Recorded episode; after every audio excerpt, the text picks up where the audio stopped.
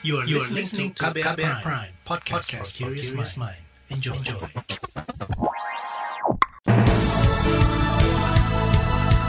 Selamat pagi saudara, senang sekali kami bisa menjumpai Anda kembali melalui program Buletin Pagi edisi Selasa 16 Maret 2021 bersama saya Naomi Liandra. Sejumlah informasi pilihan telah kami siapkan, di antaranya pemerintah didesak batalkan impor 1 juta ton beras. Presiden tolak wacana liar jabat tiga periode. Rituan Kamil sebut PPKM efektif turunkan zona merah COVID-19.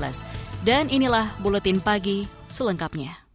Terbaru di Buletin Pagi. Pemerintah bersikukuh dengan rencana mengimpor sejuta ton beras. Menteri Perdagangan Muhammad Lutfi beralasan rencana itu merupakan strategi pemerintah agar tidak didikte oleh spekulan dan pedagang. Kata dia, selain mengintervensi jumlah stok pangan di pasar, ia menyebut tugas pemerintah lainnya adalah menciptakan stabilitas harga kita ini punya strategi. Tidak boleh pemerintah ini didikte oleh pedagang, gitu loh. Tidak boleh pemerintah di corner, di pojokkan oleh pedagang. Kita mesti mempunyai strateginya. Dan strategi itu selalu saya bilang bahwa ini bagian daripada uh, dari bagian daripada uh, strategi untuk memastikan harga stabil, bukan ingin menghancurkan harga petani, tidak. Menteri Perdagangan Muhammad Lutfi mengatakan meski rencana itu ada, belum tentu impor dilakukan. Dia mencontohkan pada tiga tahun lalu pemerintah berencana mengimpor beras 500 ribu ton. Namun impor tak jadi dilakukan karena penyerapan beras dari petani tinggi.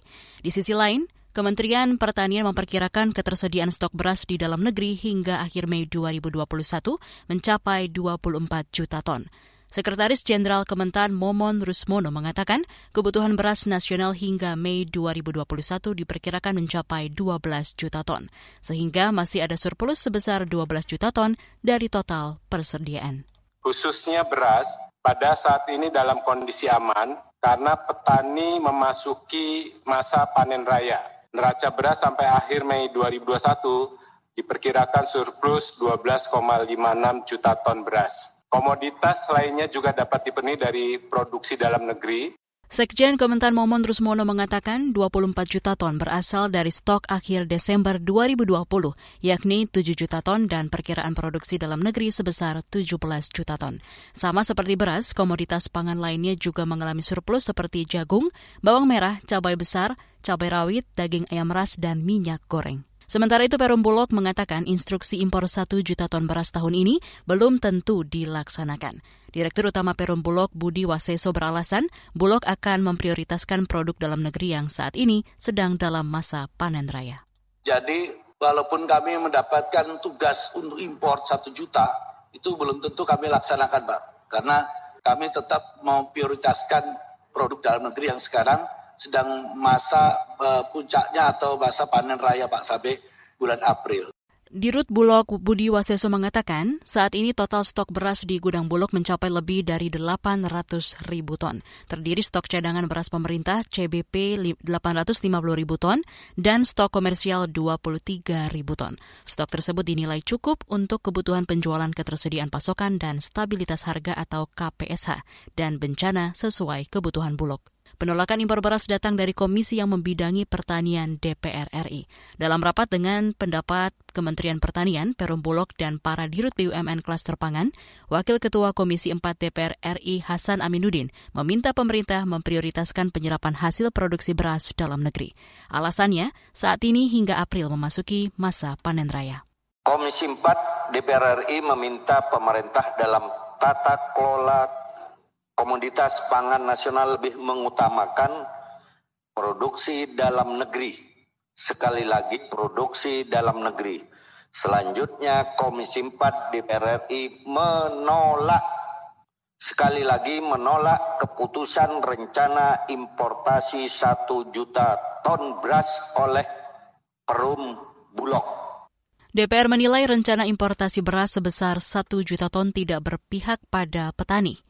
Sementara itu, Ketua Umum Asosiasi Bank Benih dan Teknologi Tani Indonesia atau AB2TI, Dwi Andreas Santosa menyebut, rencana impor 1 juta ton beras oleh pemerintah tidak masuk akal. Dalam catatan Badan Pusat Statistik atau BPS, potensi produksi beras Januari hingga April tahun ini mencapai lebih 14 juta ton atau naik 3 juta ton dibandingkan dengan periode yang sama tahun lalu. Iya lah ya, ini kebijakan yang tidak bijak, nggak buntung juga ini teman-teman ini di pemerintahan. Oh, jelas produksi tahun 2021 ini pasti meningkat, kan? Harga-harga gabah di tingkat petani terus mengalami penurunan. Tahun 2019 saja yang produksinya lebih rendah, uh, nggak impor. 2020 lebih rendah lagi dibanding 2021 ini nggak impor. Nah kok sekarang itu impor itu reasonnya apa? masuk akal kalau menurut saya terkait alasannya. Guru Besar Fakultas Pertanian Institut Pertanian Bogor IPB ini juga mengatakan keputusan impor beras juga akan menyakiti hati para petani. Kata Dewi Andrea Santosa, harga gabah di tingkat petani terus mengalami penurunan sejak akhir tahun lalu. Menurut dia, pemerintah harusnya menyerap gabah sebanyak mungkin untuk menjaga pasokan beras dalam negeri serta meningkatkan harga jual di tingkat petani. BPOM belum ambil keputusan terkait penggunaan AstraZeneca. Informasinya akan hadir usai jeda, tetaplah di Buletin Pagi KBR. You're listening to KBR Pride, podcast for curious mind. Enjoy!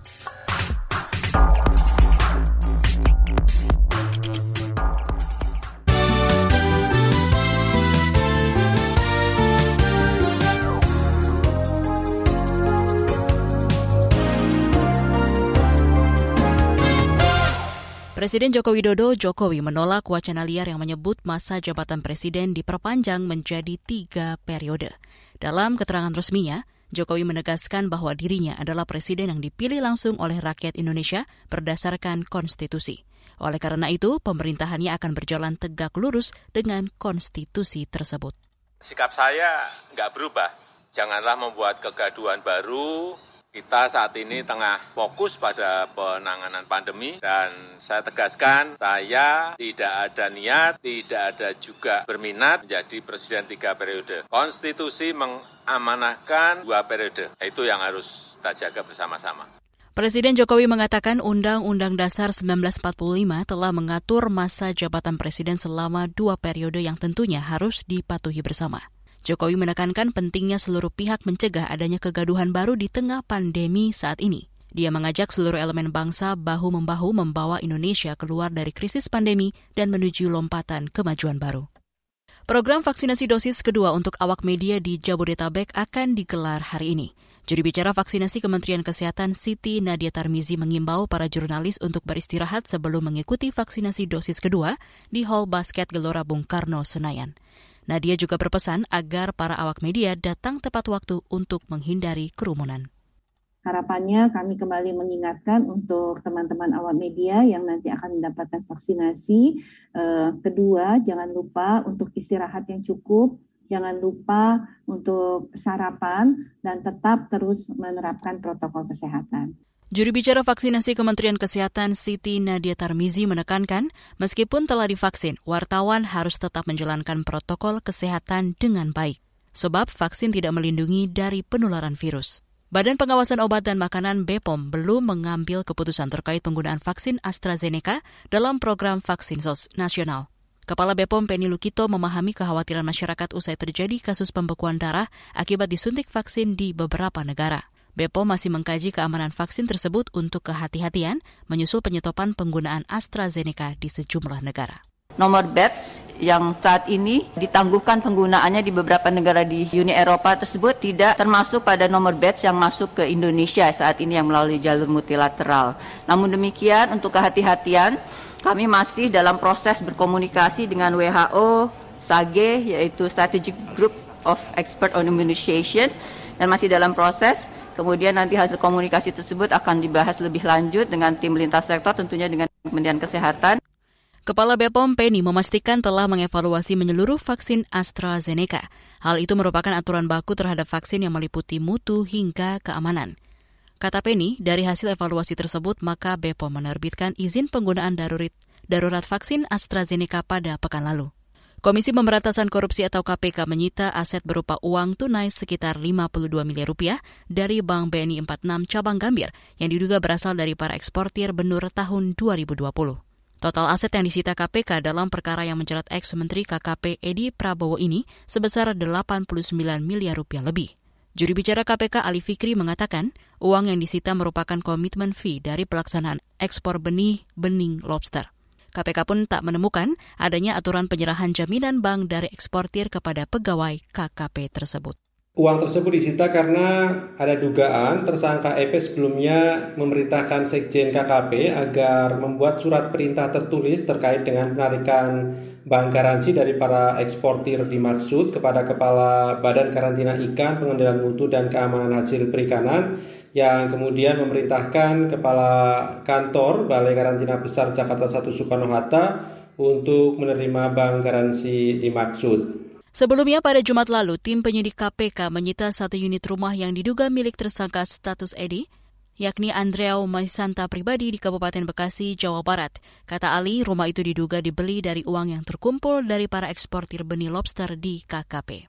Beralih ke informasi ekonomi. Bank Indonesia BI mencatat utang luar negeri ULN Indonesia mencapai 420 miliar dolar Amerika atau setara 6.000 triliun rupiah lebih pada akhir Januari 2021. Jumlah utang meningkat 2,6 persen secara tahunan, namun lajunya melambat dibandingkan bulan lalu yang tumbuh 3,4 persen. Direktur Eksekutif sekaligus Kepala Departemen Komunikasi BI Erwin Haryono mengatakan, peningkatan utang berasal dari utang pemerintah dan bank sentral serta utang swasta termasuk BUMN. Sementara itu posisi surat utang pemerintah masih meningkat seiring penerbitan surat utang negara atau SUN dalam denominasi dolar Amerika Serikat dan euro di awal tahun di tengah momentum likuiditas di pasar global yang cukup tinggi serta sentimen positif implementasi vaksinasi corona secara global. Kita ke mancanegara. Sebuah rumah sakit di pinggiran kota Yangon, Myanmar melaporkan menerima 34 mayat dan 40 orang dalam kondisi luka-luka saat terjadi demo menentang kudeta militer pada Minggu 14 Maret. Laporan ini lebih banyak dari jumlah korban tewas dalam demo pada akhir pekan yang dirilis kelompok hak asasi manusia Bantuan Perhimpunan Tahanan Politik atau AAPP. Dalam laporannya, AAPP mencatat 22 orang tewas, sehingga total menjadi 140 pedemo tewas dalam bentrokan antara demonstran dan aparat di pinggiran kota Langtiaya. Kita beralih ke informasi olahraga. Cadangan Gubernur Papua, Lukas NMB, meminta pelaksanaan Pekan Olahraga Nasional atau PON ke-20 Papua ditunda. Lukas NMB mengatakan penundaan PON perlu dilakukan karena angka kasus COVID-19 masih cukup tinggi. Ia tak ingin pertandingan digelar tanpa penonton. Di sisi lain, Presiden Joko Widodo memastikan pelaksanaan Pekan Olahraga Nasional PON ke-20 di Papua tetap digelar pada 2 hingga 15 Oktober 2021. Menteri Pemuda dan Olahraga Menpora Zainuddin Amali mengatakan seluruh persiapan sudah cukup matang. Namun pemerintah belum menentukan keterlibatan penonton pada PON dan Peparnas di tengah ketidakpastian pandemi COVID-19. Menpora menegaskan gelaran kompetisi olahraga nasional ini tidak akan mengalami penundaan lagi karena pemerintah telah menunda PON selama setahun. Kita ke Liga Inggris. Liverpool naik klasemen sementara Liga Inggris setelah dini hari tadi mengalahkan tuan rumah Wolverhampton. Gol tunggal Diego Jota memastikan kemenangan 1-0 bagi The Reds di Stadion Molyneux, Wolverhampton, Inggris dini hari tadi. Kemenangan itu menaikkan harapan Liverpool mengejar ketertinggalan dari empat besar klasemen. Tim besutan Jurgen Klopp sementara naik ke urutan ke-6 dengan koleksi 46 poin, hanya tertinggal 5 poin dari empat besar. Sedangkan Wolverhampton dengan 35 poin tertahan di urutan ke-13. Liputan khas KBR bertajuk Ancaman Mengintai Pasca Limbah Batu Bara Dihapus dari kategori B3 akan kami hadirkan sesaat lagi. Tetaplah di Buletin Pagi KBR. You're listening to KBR Pride, podcast for curious mind. Enjoy!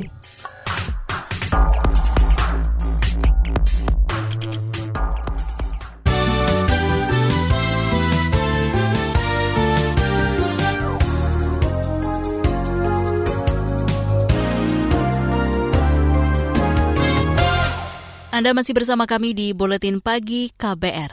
Pemerintah menerbitkan aturan yang mengeluarkan limbah batu bara atau yang disebut FABA, fly ash, and bottom ash dari kategori limbah bahan berbahaya dan beracun atau B3. Warga sekitar PLTU yang menjadi korban ganasnya racun faba pun menyayangkan keputusan tersebut.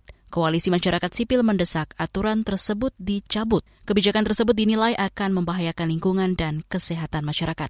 Seperti apa bahaya faba? Berikut laporan khas KBR yang disusun Heru Haitami. Saya sebagai masyarakat Suralaya yang secara langsung berhadapan dengan industri yang mengeluarkan limbah B3 atau debu fleas. Saya sekarang sudah berusia sekitar 42 tahun dan industri berdiri kurang lebih sekitar 35 tahun. Artinya sangat disayangkan ketika ada statement dari pemerintah menyatakan limbah B3 atau debu fleas itu bukan limbah yang berbahaya. Sedangkan pengalaman kami aja di sini, salah satunya yang menjadi korban 2010 itu adalah adik ipar saya yang memang pada saat itu dia baru meninggal dan paru-parunya memang gosong. Edi bercerita betapa ganasnya dampak limbah batu bara atau fly ash and bottom ash atau FABA bagi kesehatan manusia. Dirinya yang tinggal berdampingan dengan PLTU Suralaya Cilegon Banten itu menyayangkan sikap pemerintah yang menetapkan FABA bukan lagi dikategorikan limbah berbahaya alias B3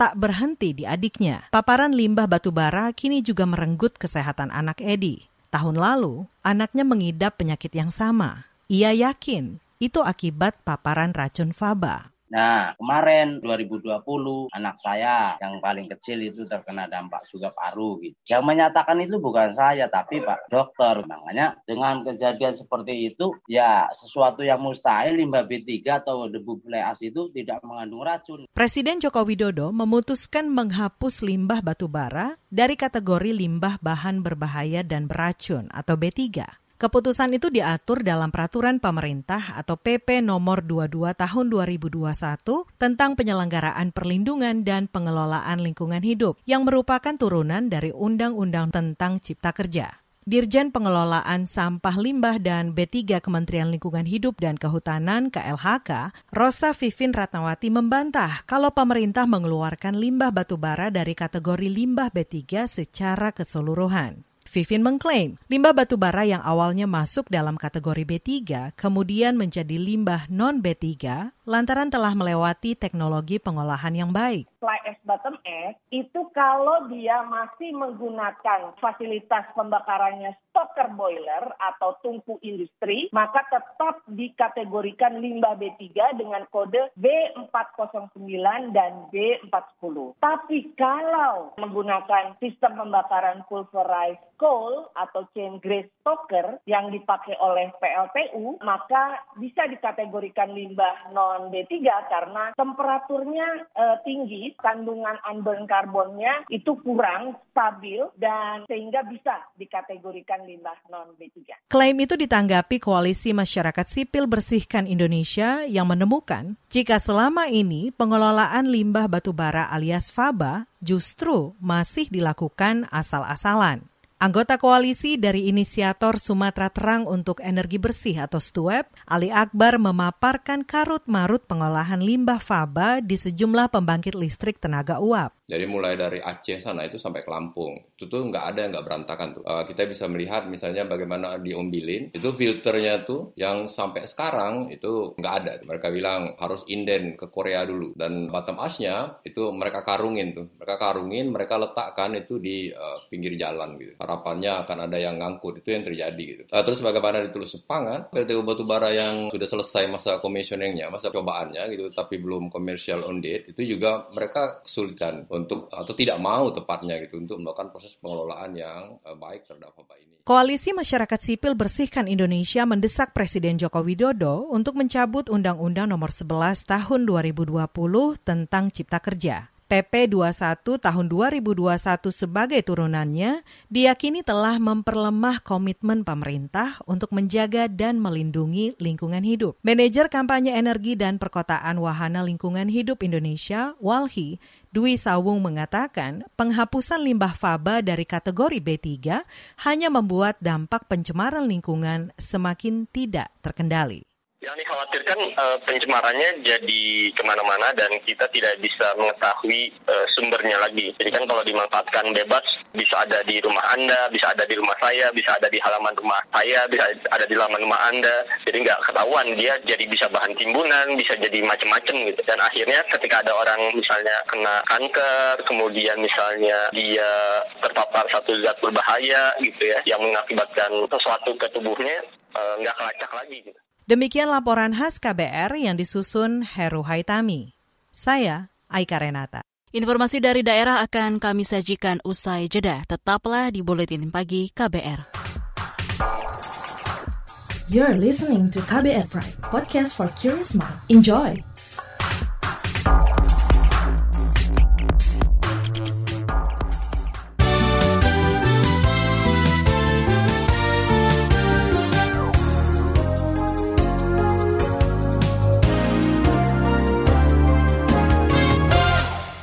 Inilah bagian akhir buletin pagi KBR.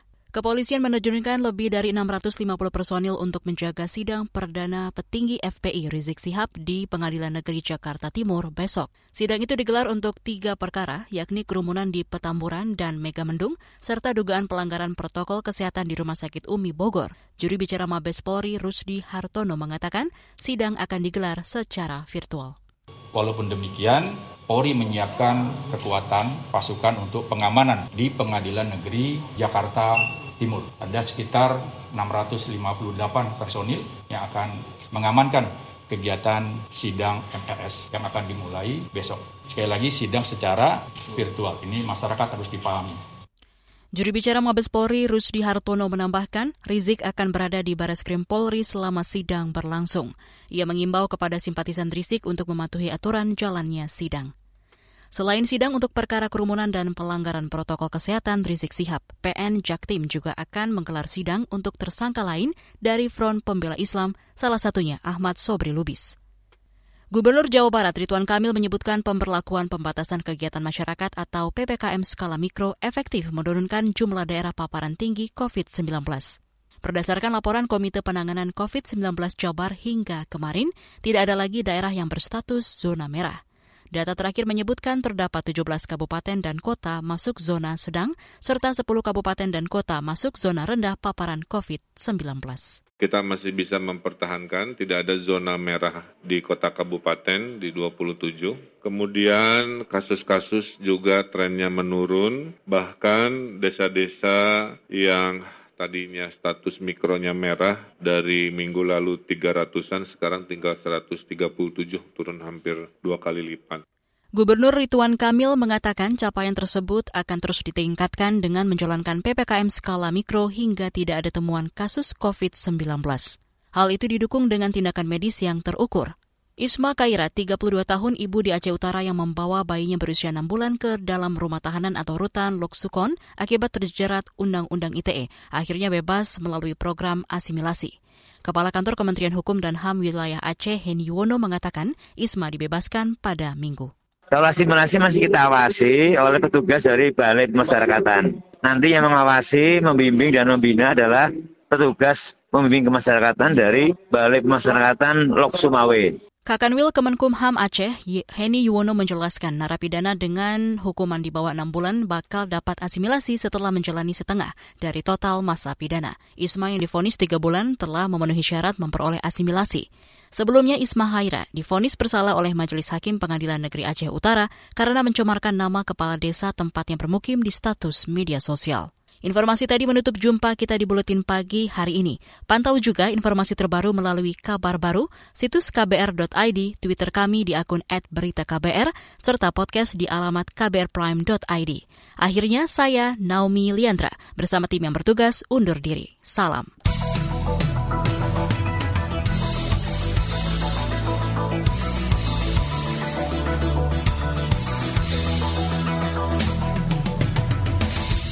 KBR Prime, cara asik mendengar berita. KBR Prime, podcast for curious mind.